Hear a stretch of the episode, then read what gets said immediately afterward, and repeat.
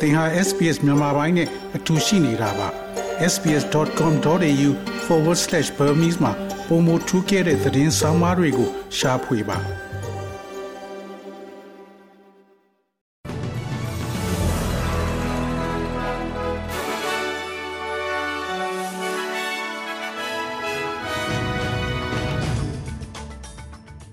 သောရရှိမြောက်ယနေ့ January လ31ရက်ဗုဒ္ဓဟူးနေ့အတွက် SBS Newsflash သတင်းထူးများကို တင်ဆက်ပေးမှာဖြစ်ပါတယ်။ကျွန်တော်က Terror အောင်ပါ။ယနေ့အတွက်ထိတ်တန့်သတင်းများ။ Australia နိုင်ငံသားကိုထိုင်းနိုင်ငံတွင်ဖမ်းဆီးထားခံရ။ Ukraine မှာမော်စကိုရဲ့စစ်ပွဲကိုဝေဖန်ထောက်ပြတဲ့ Australia နိုင်ငံသားတူပါဝင်တဲ့ Rock ဂီတအဖွဲ့ဘိုက်တူရဲ့အဖွဲ့ဝင်တွေဟာထိုင်းလူဝင်မှုကြီးကြပ်ရေးအကျဉ်းထောင်ထဲမှာပိတ်လှောင်ထားခံရဆဲဖြစ်ပါတယ်။ခေါင်းတို့ထဲတွင် ရှူရာဘီတူဟုလည်းသိကြသော Alexandra Eumenthe ဩစတြေးလျ၊ရုရှားနှင့် ဘဲလာရုစ်တို့ရဲ့နိုင်ငံသားဖြစ်ပြီး မဲလ်ဘုန်းတွင် နေထိုင်နေသူ ဖြစ်ပါတယ်။ TY အဖွဲ့ဝင်များကို အစ္စရေးသို့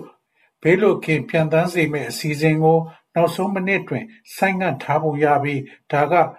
ရုရှားသံတမန်များမှာ တာဝန်ရှိတယ်လို့ သိရှိရကြောင်း TY အဖွဲ့က ဖော်ပြထားပါတယ်။ ဖမ်းဆီးခံထားရသော ဂီတပညာရှင်များတွင် ရုရှားနိုင်ငံသားနှစ်ဦးနှင့် အစ္စရေးအပါအဝင် တခြားနိုင်ငံသားများလည်းပါဝင်ပါတယ်။ပူကက်တွင် ဖျော်ဖြေပွဲတစ်ခုပြီးနောက် TY အဖွဲ့ဝင်ခုနှစ်ဦးအားစာရွက်စာတမ်းမှန်ကန်စွာမရရှိခြင်းကြောင့်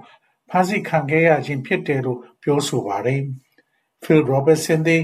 Human Rights ရဲ့ အာရှဆိုင်ရာလက်ထောက်ညွှန်ကြားရေးမှူးဖြစ်ပြီးသူကဘယ်လိုအခြေအနေမျိုးမှာမှဒီအဖွဲ့ကိုရုရှားကိုပြန်မပို့သင့်ဘူးလို့ပြောဆိုပါတယ်။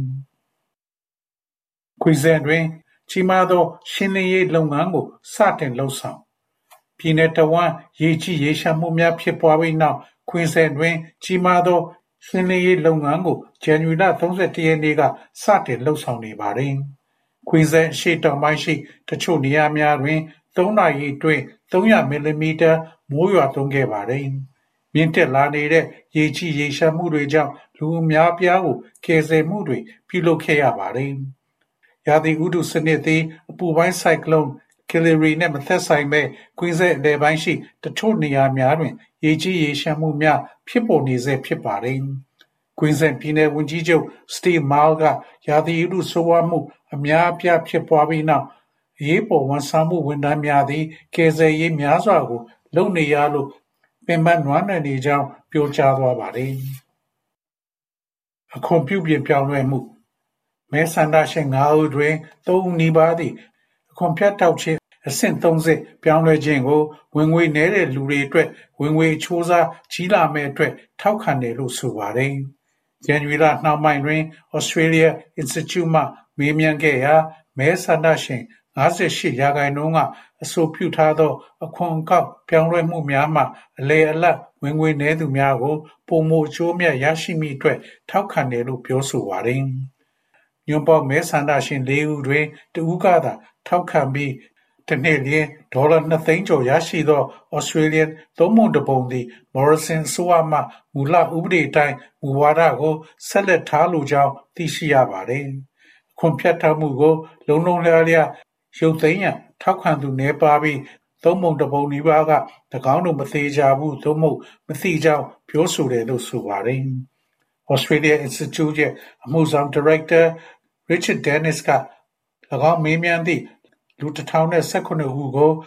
ခိုင်ခံ့သောစစ်တမ်းပြုလုပ်ခဲ့ပြီးမဲဆန္ဒရှင်များသည်မူလအစီအစဉ်ကိုဆိုသောစီးပွားရေးမူဝါဒအဖြစ်အသိမှတ်ပြုထားသော်လည်း tax bracket များအားလုံးကို ညွှန်ပြနေခြင်းဖြစ်တယ်လို့ ပြောကြားသွားပါတယ်။ Australia ငွေဖောင်းပွမှု Australia ငွေချေးဖောင်းပွမှုသည် ဒီဇင်ဘာလ3လပတ်တွင်0.6ရာခိုင်နှုန်းနှင့် လွန်ခဲ့တဲ့နှစ်ကထက်4.1ရာခိုင်နှုန်းထိ မြင့်တက်ခဲ့ပြီးယင်းသည် စီးပွားရေးပညာရှင်များရဲ့ခန့်မှန်းထားသည့်ထက် နည်းပါးခဲ့ကြောင်း Australian စာရင်းအင်ဗျူရိုအဆိုအရ သိရှိရပါသည်။ သုံးလပတ်မှာ ပြသသော ပမာဏရဲ့0.8ရာခိုင်နှုန်းနှင့် နှစ်စဉ်ပြသသော ပမာဏ4.3ရာခိုင်နှုန်းကို စီးပွားရေးပညာရှင်များက မျှော်လင့်ထားသော်လည်း အမှန်တကယ်ပြသော ပမာဏမှာ နည်းပါးသွားသောကြောင့် အတိုးနှုန်းများ ထပ်မံတိုးလာရန် မဖြစ်နိုင်လို့ ပြောဆိုပါတယ်။နေစဉ်သတင်းတို့ News Flash များကိုပုံမကြားသိရန် SBS Language Podcast ကိုတွားရောက်နားဆင်ကြည့်ပါ။ သို့မဟုတ် ဝင်ရောက်ကြည့်ရှုပါ။